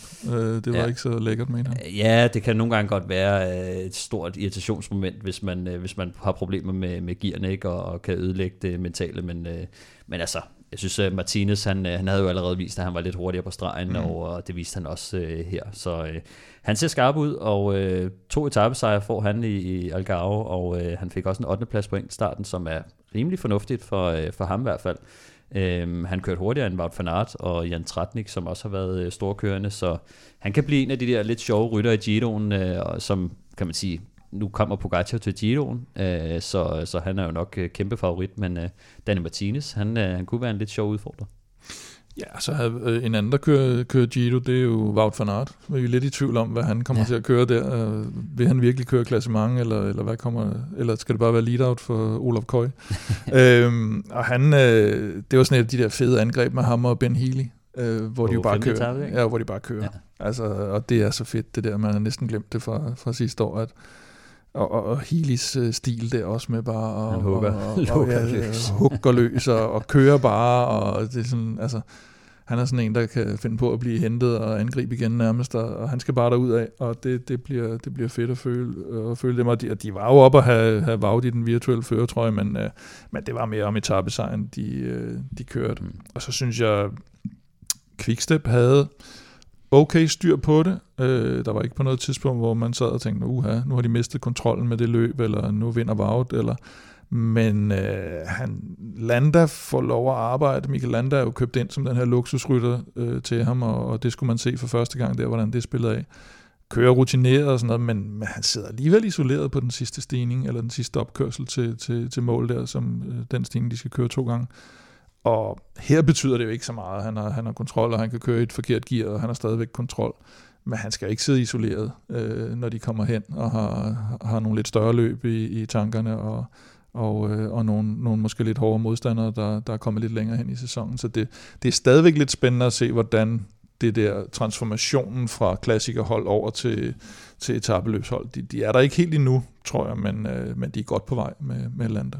En anden rytter, som vi også har talt en del om, og som vi glæder os til at, at få tilbage, øh, det er Theo Geoghegan Hart. Hvordan gik det ham? Ja, han var sådan lidt efter, kan man sige. Ikke? Han, øh, jeg tror også, han selv udtalte, at det, det gik fornuftigt, men, øh, men han var lige efter de andre der, og, og ikke helt op i omdrejningen. Nu han har haft den her lange, lange skadespause øh, siden øh, Giroen sidste år, og, og skiftet hold og skal til i gang igen, og det er jo turen, han øh, satser på. Så må det ikke han, jeg tror, han nok skal være der til, øh, til Tour de France, men, men lige nu er han, er han et, et lille stykke efter de andre. Nummer tre i øh, Volta a Algarve blev Jan Tratnik. Danny Martinez blev nummer to, og Remco Evenepoel vandt altså det her øh, etabeløb samlet. Vi sender ham en kop.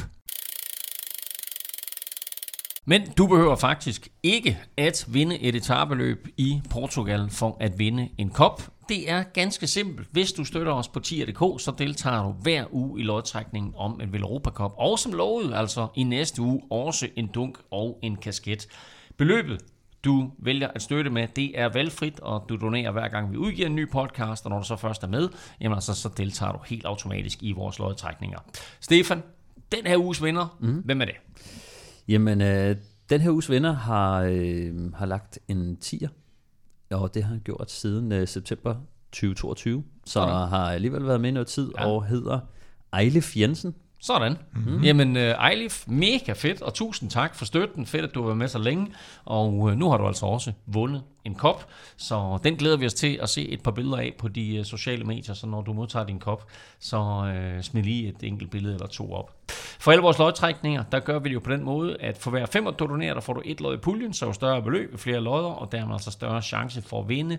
Du finder link både på velropa.dk og på tier.dk. Mange tak for støtten til alle hele året, og kæmpestort tillykke og tak for støtten til Eilif. Kim, som lovet, så mm. har du øh, lavet et par lister. øh, ja. Du har simpelthen øh, brygget... Øh, du, du, vi, nu er det jo 14 dage siden, at vi har optaget her, og så mm. skriver du til os to, øh, jeg vil godt komme med et par lister over ryttere, som øh, lytterne skal holde øje med i den øh, kommende sæson. Så du har simpelthen lavet sådan, hvad skal vi kalde det, en lille guide til, øh, til lytterne omkring, hvem der kunne Ja. være interessant at følge. Øh, og der ærger det der jo, at straks du begynder at lave de her lister, så dem du har på listerne, Ja, så begynder de, de øh, vinder bare løb. Og nu, det kan, lytterne kan jo ikke vide det, men jeg har jo heldigvis øh, nået at sende det til jer inden, øh, så, så jeg har da trods alt et, et par vidner. Øh, men, Jeg har ikke modtaget noget. Nej, jeg skulle til at sige, det er ikke så godt. Men for ellers, for ellers så kunne det også lidt minde om den der gamle John O. sketch, hvor de er til eksamen, og så øh, sensor siger, men vidste du så også, at... Øh, ja, ja, det vidste jeg godt. Fantastisk. Det er fantastisk. så det er lidt på bagkant, men, øh, men øh, I've got pictures to prove it. Øhm, jeg har lavet to lister. Jeg har lavet en, der hedder Hold øje med de her U23-rytter. Ja. Har jeg lavet en top 10 liste over. Og hvad har du Øh, lavet og, der har jeg, Og så? og så har jeg lavet en, øh, hvad jeg tror, altså folk, der er over 23 år gamle. Ja. Øh, som jeg lidt spår for en stor sæson. Sådan. Øh, og så må vi se, om... Ja. Øh, jeg Men lad os prøve håber, at lægge ud med, med U23. så håber vi, at alle har glemt det, når ja, vi slutter sæsonen. med, Kim? Jamen, øh, Axel Laurence øh, fra øh, AG2 er der. Han, øh, han er U23-verdensmester. Han slog øh, Mads P. i Bessage, 22 år gammel. Ham, ham har jeg lidt fidus til. Og så i et stykke tid, synes jeg, vi har set ham her, Kevin Vauquelin fra Arkea, som, øh, som er tæt på øh, Mads P. i Bessage. Slog ham på enkeltstarten. Øh, Mads vinder lige over ham. Han havde en skade sidste år, også, som satte ham lidt tilbage, kan jeg huske. Ja, han vinder alligevel øh, Alp My Team, faktisk, øh, som, øh, som vi lige har kørt her nu, øh, også 22 år gammel. Så har jeg faktisk også kattedræberen med, Antonio Tiberi. Tiberi. Og, øh, og han gjorde det jo faktisk godt på, øh, var det enkeltstarten i Rute del Sol. Rute del Sol blev mere eller mindre øh, ødelagt af, af spanske bønder. Det er jo på en eller anden Øh. måde ærgerligt, at der inden for cykelsporten ikke findes noget ligesom skiskydning. ja, så, han, så havde han haft rigtig gode chancer, vil jeg sige. Ikke? Too soon. Øhm, han, øh, han bliver syv i UAE-tur sidste år, øh, og øh, han er også kun stadig 22 år gammel. Øh, han, han, øh, der, der kommer mere og mere, og på et tidspunkt har vi glemt, at han har, har dræbt, øh, var det borgmesteren i San Marinos kat, Ja. øh, som jo er det, vi referer, refererer til med det.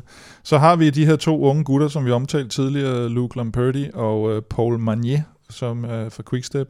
Øh, især Paul Magnier, øh, 19 år, altså Lamperti, han ligger og kører lead-out for ham her, Paul Magnier, mm. som er 19 år gammel, ikke? Og man, øh, nu kan vi se, nu bliver det nok vendt lidt om, i, når vi kommer til klassikerne, men øh, virkelig, virkelig god øh, sæsonstart, han har fået, øh, og vinder også en etape i, i Tour of Oman, øh, ham her, Magnier. Og så har vi jo, og det er jo igen, det her, han vinder faktisk en etape i dag, tror jeg. William Junior Leserf, som øh, du også har omtalt i Mm. etteren, øh, han, øh, han, han vandt simpelthen en etape i Rwanda i dag. Hvor i øvrigt øh, Chris Froome mener, at vandt en indlagt spurt. Wow! Hvilket fik, hvilket, hvilket fik en på Twitter til at skrive, øh, så er femte tur sig inden for rækkevidde. Ej, det er, næsten, det er næsten synd for ham efterhånden. Øh, han, øh, det er jo ham her, der bliver, øh, eller hvad hedder han, William der, han bliver toer i øh, Al Ula Tour efter, efter Simon Yates og vinder U23 Lombardiet sidste år, 21 år gammel. Max Poole øh, har vi måske hørt lidt meget om. Jeg har prøvet at gå væk fra de her U23-rutter, der, der hvad skal man sige, har haft et gennembrud, men, men jeg synes stadigvæk, han lige mangler det, det helt store gennembrud. Var kørt meget stabil sidste år, 4 i Romandiet, 11, 11 i Tour of the Alps, 13 i Dauphiné, kun 20 år gammel. Øh, så har vi Johannes Stavne Mittet fra, øh, fra Visma, Lisa Bike, som de hedder. Øh, som alle på det hold, så er risikoen, at han kommer til at stå i skyggen af, af de helt store drenge.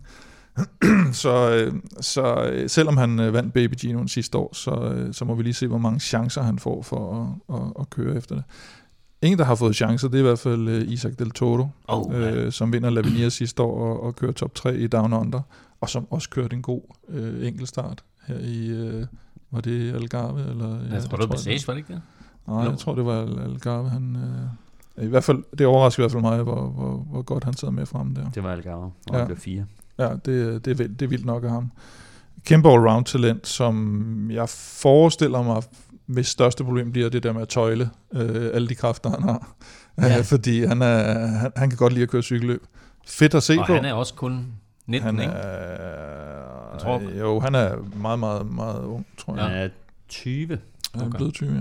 Og så Finn Fisher Black, øhm, der vinder, der bliver tre i Alula og vinder Muscat Classic, 22 år gammel. Han, øh, han bliver også spændende.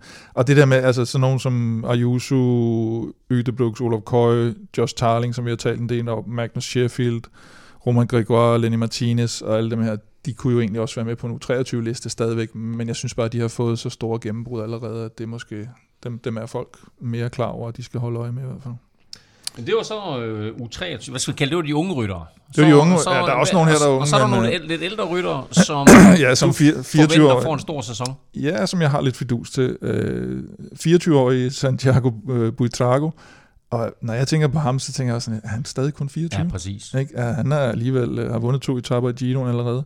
Jeg tror altså, han kunne blive den, den helt store. Og så har jeg faktisk også øh, Danny Martinez. Øh, for to-tre uger siden skrev Danny Martinez på. og Stefan sagde, ah, tror du virkelig på det? Og Det er så, rigtigt. Og så må du alligevel sige, Det er faktisk ah, true det story." kan godt være, at øh, alligevel. Jeg tror, at øh, han kan blive den store overraskelse i Giroen, fordi øh, de store drenge på, på bordet, de skal, de skal køre turen. De kører jo fuld smadret på turen med, mm med Vlasov og, øh, og Roglic og Jai Hindley, tror jeg det er, og, og, og lægger sådan lidt op til, at det er godt, at vi har flere at spille på, øh, så vi kan lave sådan lidt ligesom Vingegaard og Roglic gjorde mod Pogacar for, for et par år siden. Øh, det bliver spændende at se. Axel Singlet fra øh, Cofidis har jeg også skrevet på. Han er jo blevet 25 år gammel. Øh, ham tror jeg lidt på til klassikerne her. Øh, sidste år blev han 5 i Brabantse, 10 i Amstel og 12 i Dvarstor Flandern. Øh, kørt også godt i, har kørt godt i de, i de franske løb her også med Mads P. Øh, i starten. Og faktisk den, der var årsagen til, at jeg øh, overhovedet lavede den her liste. Tom Pitcock. Okay. Jeg tror, han får en enorm sæson. Hvorfor? Øh, jamen, det, det ved jeg ikke. Det, det er en mavefornemmelse. Jeg synes, han er... Nå, men det er jo det der med, at, at, at vi har det der... fantastisk cross-sæson, jo. Han, nej, men at, at det der med, at han... Man, jeg synes stadigvæk, man sidder sådan lidt med, at han ikke rigtig har fået sit landevejsgennembrud endnu. Og han har jo kørt nogle... Sindssygt- startede han- sidste år på vinder- øh, øh, vanvittig fed måde jo. Præcis, og, øh, og, og hvad hedder det, blev to i Liège, og bliver altså samlet 13 i turen. Jeg glæder mig virkelig til at se ham i Tour de France. Mm. Det, øh, jeg tror altså, der er nogen, der, der får sådan en overraskelse der. Han er 24, det er heller ikke, fordi det er det, det er helt store. 58 kilo. Og så Ben Healy selvfølgelig, øh, har vi jo også set øh, vise sig lidt frem her. Han øh, har lige udtalt, at han satte sig på Amstel i år. Og Ben Healy er 23. Det er, også sådan, det er også for underligt, at han kun er 23 på en eller anden måde. Ja, både over ikke. Jeg synes, folk, vi har ikke, vi har ikke hørt om ham før sidste år. Nej, nej, men det er mere den der, han ligner en gammel rytter, når han Jamen, er kører. rigtigt. Altså, han, Ja. han ligner ikke en Ja, 23-årig. skæg, tænker du på? Øh, og så har jeg faktisk også taget øh, Tao Geoghegan Hart med. Øh, jeg, jeg tror på, at det bliver et rigtig godt øh, indkøb af, af Little Trek, og, øh, og glæder mig til at se ham i, i, i Tour de France. Og så det her, det er mere øh, sådan lidt fanboy-agtigt, men øh, Oya Lascano fra, fra Movistar var jeg også nødt til at have på. Øh, fantastisk, altså stærk som en okse. Og igen det der med... Spansk mester. Spansk mester. Øh, og så vinder han jo det her øh, øh, Classic Jain. Eller? Shine, ja, ja, den der spanske Strade Bianca-agtige... Øh, Ja. Hvis han øh, får, formår at tøjle de der kræfter, så, så, så tør jeg heller ikke tænke på, hvad han... Øh... det skal han ikke. Det tror jeg slet ikke er hans måde at køre Nej, nej, på. men altså, han skal øh, bare... køre lidt mere klog måske. så. Øh, Tim Malier havde jeg jo så på, øh, som, øh, som så har, har, har startet sæsonen helt fantastisk ud. Øh, ham tror jeg også på bliver... Han har øh, næsten allerede levet op til dine Ja, men jeg tror, ham og, ham og Jesper, på toppen. ham, ham og Jesper Philipsen, det, det tror jeg bliver de, de to store sprinter. Øh. Mm. Og så har jeg faktisk taget Matteo Jorgensen på fra, fra Visma. Øh, det der, det kommer vi tilbage til nu her, når vi skal snakke omløb og, og kørende. Men det der klassikerhold, de, de kommer med Visma. Ja, som jo er Det er- skiftet til Visma Lisabrik. ja, det er helt vildt, det hold. Ja. Altså, der smider de lige ham ind på, ikke? og han har i forvejen en, en, en fantastisk sæson. Ikke? Han er også kun 24 år gammel, det, det bliver. Og så den sidste, jeg har på, det er Mark Hirschi, som øh, jeg synes har røget lidt under radaren sidste år, hvor han, øh, han faktisk begyndte at vinde lidt igen, og fik syv sejre. Øh, han, han, han røg sådan lidt ud i glem- glemmebogen efter skiftet til UAE, ikke? men jeg tror lidt, han er, han er på vej tilbage. Der er også den store ændring, at han øh, ikke skal med til turen i år, fordi at han ikke skal agere som hjælperytter særlig meget. Mm. Og det tror jeg også kan være, måske være med til at vende bøtten lidt for ham, at han ikke skal til turen, hvor han skal ligge og, og være en af de første, der trækker på, på stigningerne. Mm. Øhm, så, fordi han er jo den her spektakulære øh, puncher-type. Øh, Ja, de kører jo en lidt anden, øh, fordi øh, Pogacar stiller op i Giroen, så kører de en lidt anden taktik i turen, hvor Mikkel Bjerg skal for eksempel heller ikke med i, i Mm. turen, han skal med i Giroen, øh, øh, fordi at Pogacar kører efter klassementet der, og så, så bliver det sådan lidt den der lidt mere strikse hierarki-opdeling og, og hjælperytter-rollefordeling, hvor, hvor turen kunne man godt forestille sig, de måske gik lidt mere efter etappesejr og spredte det lidt mere ud. Øh, det, bliver, det bliver også spændende. Så kan man sige, der, der er også nogle andre, eller der er et par navne, som jeg, som jeg godt vil nævne, der ikke er på listerne, men, øh, men som er sådan lidt, lidt, lidt spøjse på andre. Det er ham her, Bart Lemon, den 28-årige øh, tidligere jægersoldat, der er jo kommet ind på, på, på Visma i en, i en sen alder, og, og bliver femmer i Tour Down Under. Han er simpelthen tidligere jægersoldat. Ja, han kører nogle, øh, han kører nogle, øh, nogle, øh, nogle rigtig gode løb i øjeblikket. Og så har vi jo øh, mm, Ham og Tibet, de kunne lave en sjov... Øh, en sjov aften. og så har vi Michael Bellocchi fra EF, som jo er søn af Joseba Bellocchi, Nå, og øh, kørt du junior. siger Beloki. Skal vi sige Bellocchi? Det, det har jeg altid sagt. Men det kan også godt være, det er rigtigt, ja. Jeg ved det ikke. Ja, vi, ja. vi kan tage begge to med, og så kan vi se, om der kommer nogen. Jeg har altid sagt Josef. Han hedder Joseba. Joseba. Joseba ja. Balogge. Så øh, hold øje med ham. Øh, lidt, lidt for tidligt sikkert øh, til, at man skal holde alt for meget øje med ham. Han er kun 18 år gammel. Kommer direkte fra øh, junior, men øh, lad os se om ikke... Øh, Jamen bror, det var, det var 10 navne plus 10 navne plus det løse. Ja, plus fra det din løse. hånd. Ja, ja. Øh, hvor Det vi dækkede samtlige aldersaspekter. øh, Stjerner i- til hele i, sæsonen. øh, I sæsonen. Men øh, her er i hvert fald lige en øh, kort guide til jer lyttere fra Kim omkring, hvilke rytter I skal holde øje med i år. This is absolutely fantastic. Michael Waldron will have time to savour this moment.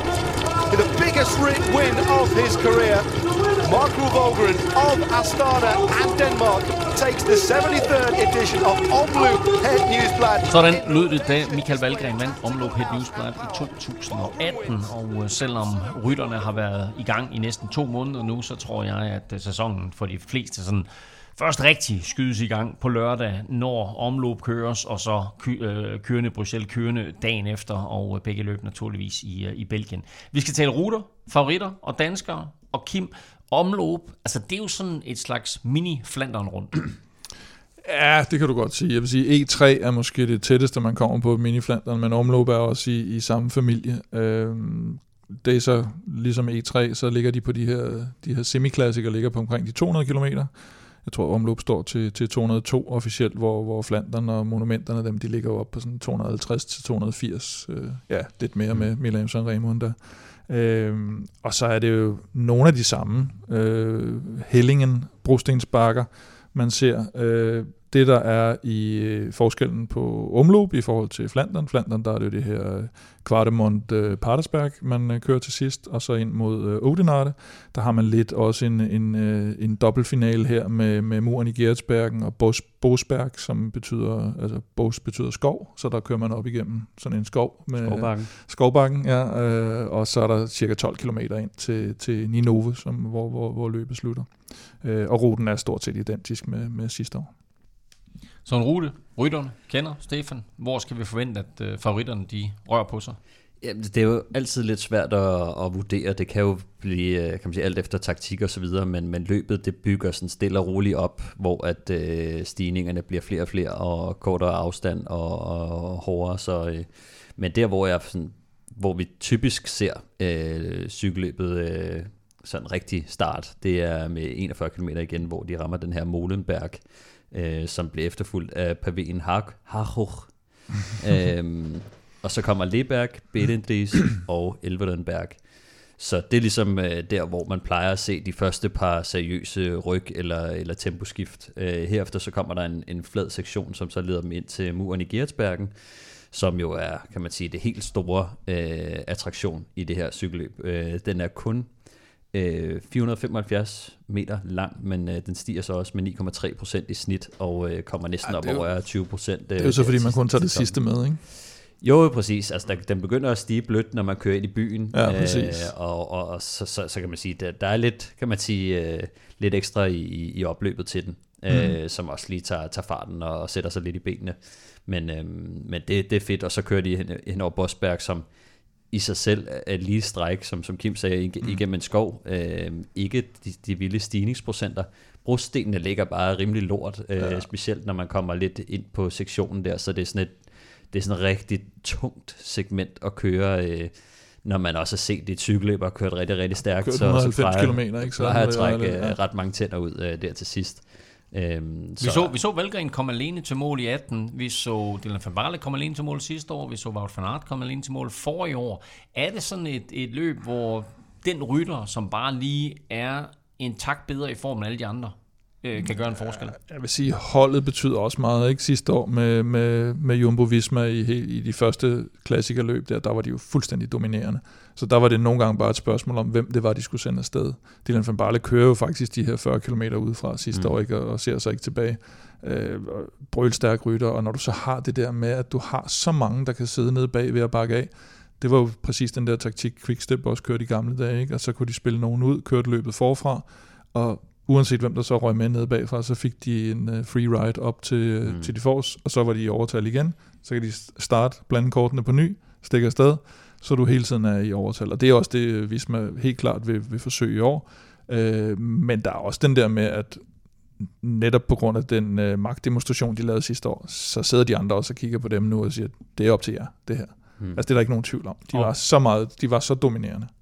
Øh, Jumbo hed de sidste år, nu hedder Ja. de Visma, Lisa Bike. De har både Wout van Aert med, de har Dylan van Baarle med. De kommer med en vanvittig stærk trup.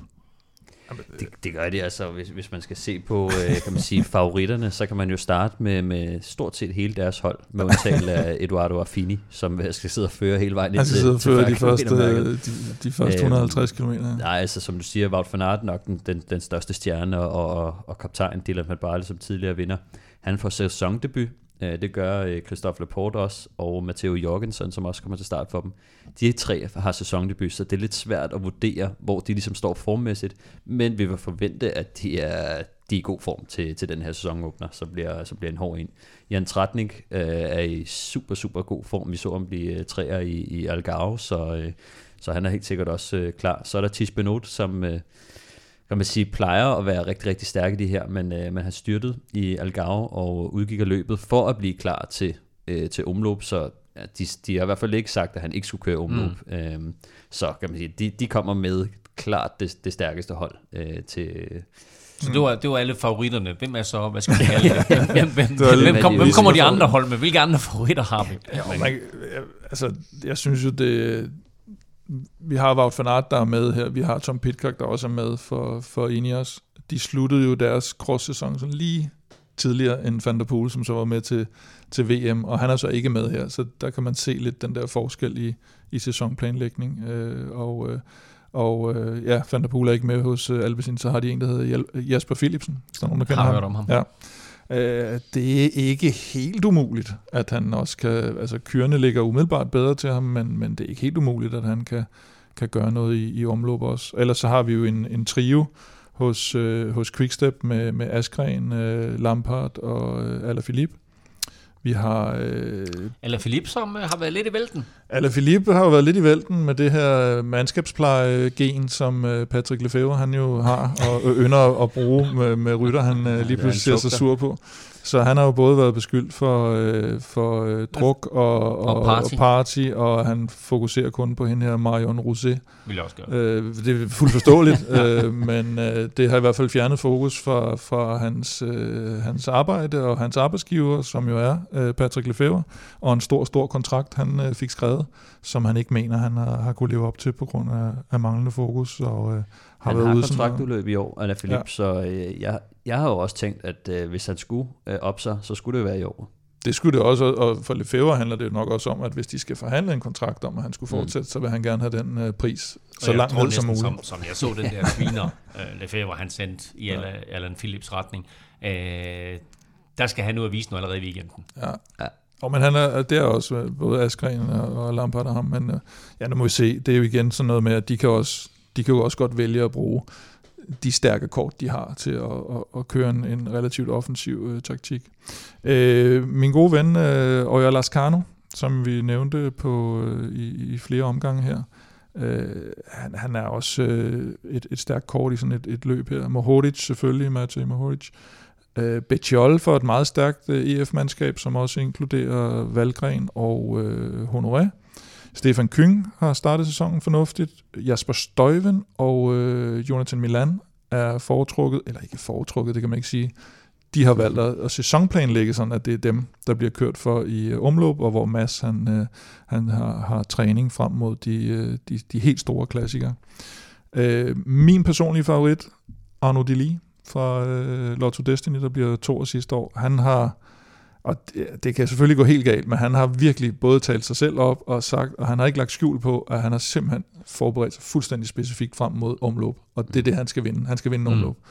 Øh, Så det kan næsten kun gå galt, kan man sige. Men jeg tror altså på, at han er, han er så stærk, at han, øh, han godt kan napse den, og måske på en eller anden måde få, øh, få øh, tvunget sig ud af det der Visma overtag. Men det bliver, det bliver ikke nemt. Der er en, du, øh, du lige glemmer lidt, øh, og som modsat Alain Philippe har, har holdt champagneproppen i, Præcis. på, på flasken. Det, er, Nej, han sagde, øh, jeg, det giver mig. Jeg sagde ham i starten. Gjorde du det? Ja, vi blev, jeg blev bare lige afbrudt af, et, af Alan Philippe-historien der. Ja, okay. Ja, han har Så- ellers også haft, haft en, en stærk Ja, start, er- og, og har jo tidligere vundet Gent så, øh, så jeg tænker, at, øh, han, han kunne også være en, øh, en outsider her. Jeg, tror faktisk ikke så meget. Jeg, jeg ved sgu ikke. Jeg har ikke, jeg har ikke men han, det, han har kørt bedre, helt klart. Øh, Trentin er jo skiftet til øh, Tudor. Det bliver Mhm. spændende at se. Øh, han kan noget. Ja, Christoph er, er, er, er hovedperson hos øh, Uno X, der stiller med et helt norsk hold uden dansker. Umiddelbart. Skal Så sige, kommer det ikke til at gå godt. Vi skal sige, at øh, startlisterne er jo forløbige. Det er de her startlister, holdene har meldt ind. Nu begynder ændringerne at komme så småt, øh, og i de næste par dage, så vil der være de her sidste minuts ændringer, der kan, der kan ændre lidt på de her hold. Øh, Pitcock har vi nævnt øh, for, for Ineos, og så ham her, hvad hedder han, øh, Axel Sinclair fra Kofidis, skal vi heller ikke glemme. Du nævnte lige Kasper Askren. Stefan, Ja. ja. hvad har vi med øh, af danskere ud over Askren? Jamen, øh, han øh, får jo Kasper Pedersen med, som er som også er start. Så har vi øh, Valgren, som kan man sige, allerede har kørt øh, seks endagsløb, og, og Algarve, så, øh, så krydser fingre for, at han øh, allerede er, er tunet ind til, til sæsonen. Øh, jeg synes også, vi, at Mikkel Honoré kommer også til start for, for EF. Og øh, jeg synes, der var på rigtig, rigtig positive tegn for ham, når man så ham i, i Algarve hænge rimelig godt på, øh, på stigningerne, så formentlig også god form for ham. Øh, Mathias Norsgaard er til start for, for Movistar. De skal jo nok køre for Ivan Garcia Cortina eller Lascano, øh, som vi også har snakket lidt om. Og så er der en øh, World Tour debut for Anders Forlager, der jo kører for øh, det her Jaco Alula hold. Øh, det bliver også lidt, øh, lidt sjovt at se ham. Også lidt en punchør-type, men øh, måske omløb af en, af en relativt hård start for, for øh, at debutere i hvert fald. Men, øh, og så skal vi heller ikke glemme Christoffer Juhl Jensen, som, øh, som den sikre øh, hjælperytter på, Ja. på Jaco-holdet også. Ja, man kan sige, hvis vi skal vælge nogle af dem, så vil jeg sige Askren. Øh, igen, altså vi ved jo ikke helt, hvor han, hvor han står til, til, til sæsonåbningen her. Men, øh, men ham og, og Lampard eller Philip, det, det, den trio der, det, det gør også, at det bliver, det bliver de bedste danske chancer, der skal findes der på, på Quickstep-holdet, vil jeg sige. Omlop Het Newsblad er lørdag. Det begynder kl. 11 i Gent og forventes afsluttet omkring kl. 16 med mål i Ninove. Kvinderne de starter kl. 13.30 og de forventes i mål cirka kl. 17. Men øh, omløb er jo som bekendt kun første dagen af en to-dages fest. For søndag der køres Bruxelles, eller hvad hedder den, kørende Bruxelles kørende.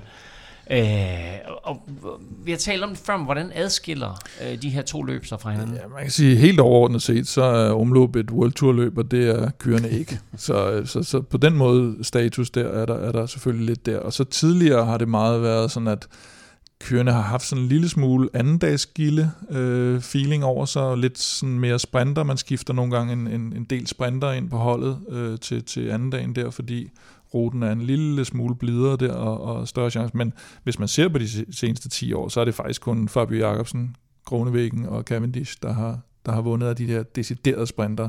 Så, øh, og, og, og ruten er også øh, blevet en lille smule hårdere og bliver kørt på en, på en lidt anden måde. Men der er øh, et, et længere stykke vej for de store stigninger og ind til målstregen. Det vil sige, når, vi, når man har overstået det her øh, virvar af, af hællingen og hvad det er, så, øh, så er der et, øh, et, et længere stykke, hvor der kan dannes de her grupper, der så, hvor der så opstår noget taktisk med, kommer den her gruppe op til den her gruppe, eller, eller hvordan øh, det sker, hvor, hvor i omløb, der har du de her 12 km at arbejde med ind mod, mm. Mm. mod målet, når, når, når det er færdigt. Så øh, ja. Og som jeg også var lidt inde på i, i quizzen, så er det altså ikke lykkedes en rytter øh, i al den tid, jeg har tjekket, at vinde både omløb og så dagen efter mm. vinde kørende. Øh, men jeg synes jo nogle gange, vi ser, at, det er meget de samme ryttere, der kører. Det er mere de samme rytter nu, vil jeg sige. Altså i år kan man også se, at der med de startlister, vi har nu, så kan man komme med nogle eksempler, som det her med, at uh, Luke Lamperti, han kommer med i stedet for Alaphilippe på, på Quickstep. Arno Demar bliver skiftet ind uh, til kørende hos Arkea.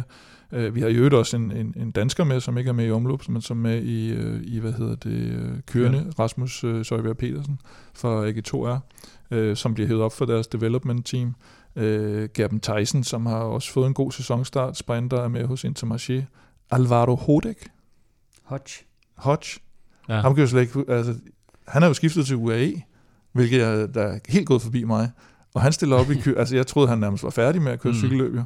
Han har man ikke hørt om i 100 år, men han bliver ski- skiftet ind hos uh, UAE, John Degenkolb hos uh, DSM, Alberto Danese hos uh, Tudor, uh, som godt nok døjer lidt med en, uh, en ansigtsskade, han uh, pådrog sig her. Og, og, og, og så for at selvfølgelig bevise, at det er det, man gør, så har, så har Lotto og Little Trek så valgt at udskifte Arno Deli og Jonathan Milan til kørende, men kun have dem med i omløb. Så det er ikke altid sådan, at det kun er Mm. sprinterne, der kommer ind til kørende. Øh, men det er, det er undtagelsen, øh, vil jeg sige. Det er, det er mest, at man, man skifter de hurtige folk ind til, til kørende.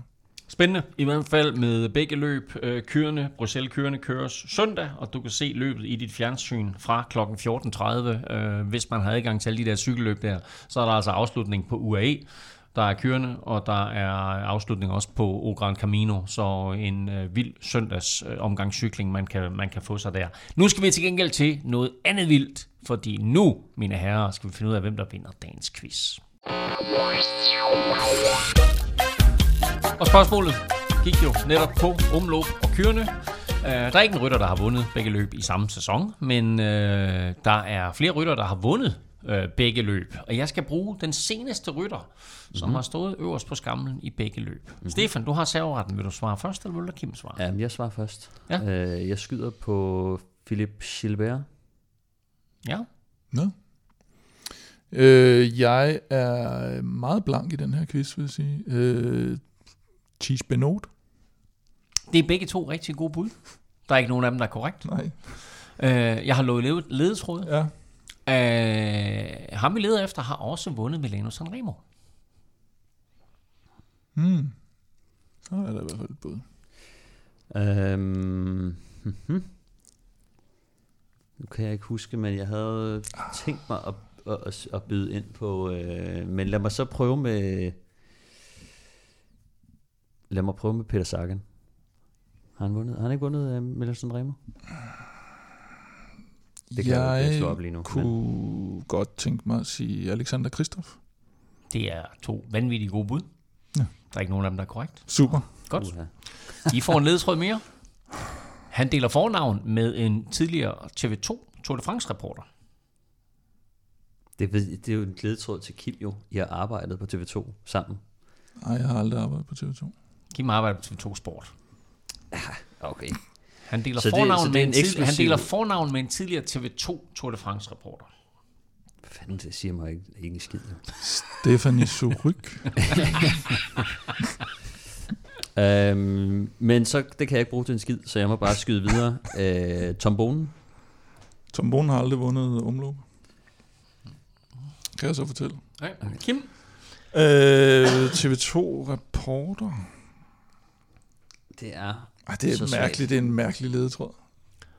Øh, jeg ved, øh, aner det simpelthen ikke. Øh, Milano Sanremo er vi ude i. Øh, John Degenkolb. Er også et godt bud, begge to. Ingen af dem er korrekt. Og sidste ledetråd. Han er holdkammerat med Mads Pedersen. Så hedder han Nå. Nå. Jasper Støjven. Ja, for helvede, ja. Kim? Øh, så siger jeg Jasper Stadum. Jasper Stadum og Jasper Støjben. Det er fuldstændig korrekt. Stefan, langt om længe et øh, point efter et par ledetråd. Jasper Stadum og Jasper Støjben. Men jeg øh, godt, det er fuldstændig korrekt. Øh, Støjben? Støjben vandt øh, Det er sgu da rigtigt, ja. omløb så sent som i 2020, Ja. ja. og han vandt øh, kørende i 2016. Øh, 2020, der vandt Kasper Askren kørende, det her magiske øh, løb, han kørte, og året mm. efter 2021, der vandt øh, Mads P. kørende. De to seneste vinder af kørende, det er Fabio Jacobsen og Thies Benot. Vi er øh, tilbage i næste uge, hvor vi naturligvis kender vinderne øh, af de her to løb, så det glæder vi os til at, øh, at snakke meget mere om, og så kigger vi selvfølgelig frem i cykelkalenderen igen, og hvis du vil vinde en Velropa Cup øh, og en dunk og en kasket, så er det altså nu, at du skal hoppe ind og støtte os på tier.dk, og ved du ikke, hvad du skal lytte til nu, må jeg så anbefale NFL-showet, hvor undertegnet sammen med Thomas Kvartrup rundede NFL-sæsonen af i går tirsdag, så der lavede vi vores store konklusionsgennemgang, hvor vi kiggede tilbage på sæsonen for alle 32 hold. Indtil vi høres ved, der kan du følge Kim og Velropa på X, Insta og Facebook. Det gør du på Snablag Velropa. Stefan finder du øh, de samme steder på Snablag Stefan Djurhus, og undertegnet finder du alle steder på Snablag NF Elming. Tak for nu. Tak fordi du lyttede med. Tak til alle vores støtter på tier.dk. Uden jer, ingen Velropa podcast. Og som de siger, dernede, hvor der skal køres cykelløb i weekenden. Bedankt von het luisteren. Fijn fetchwegend.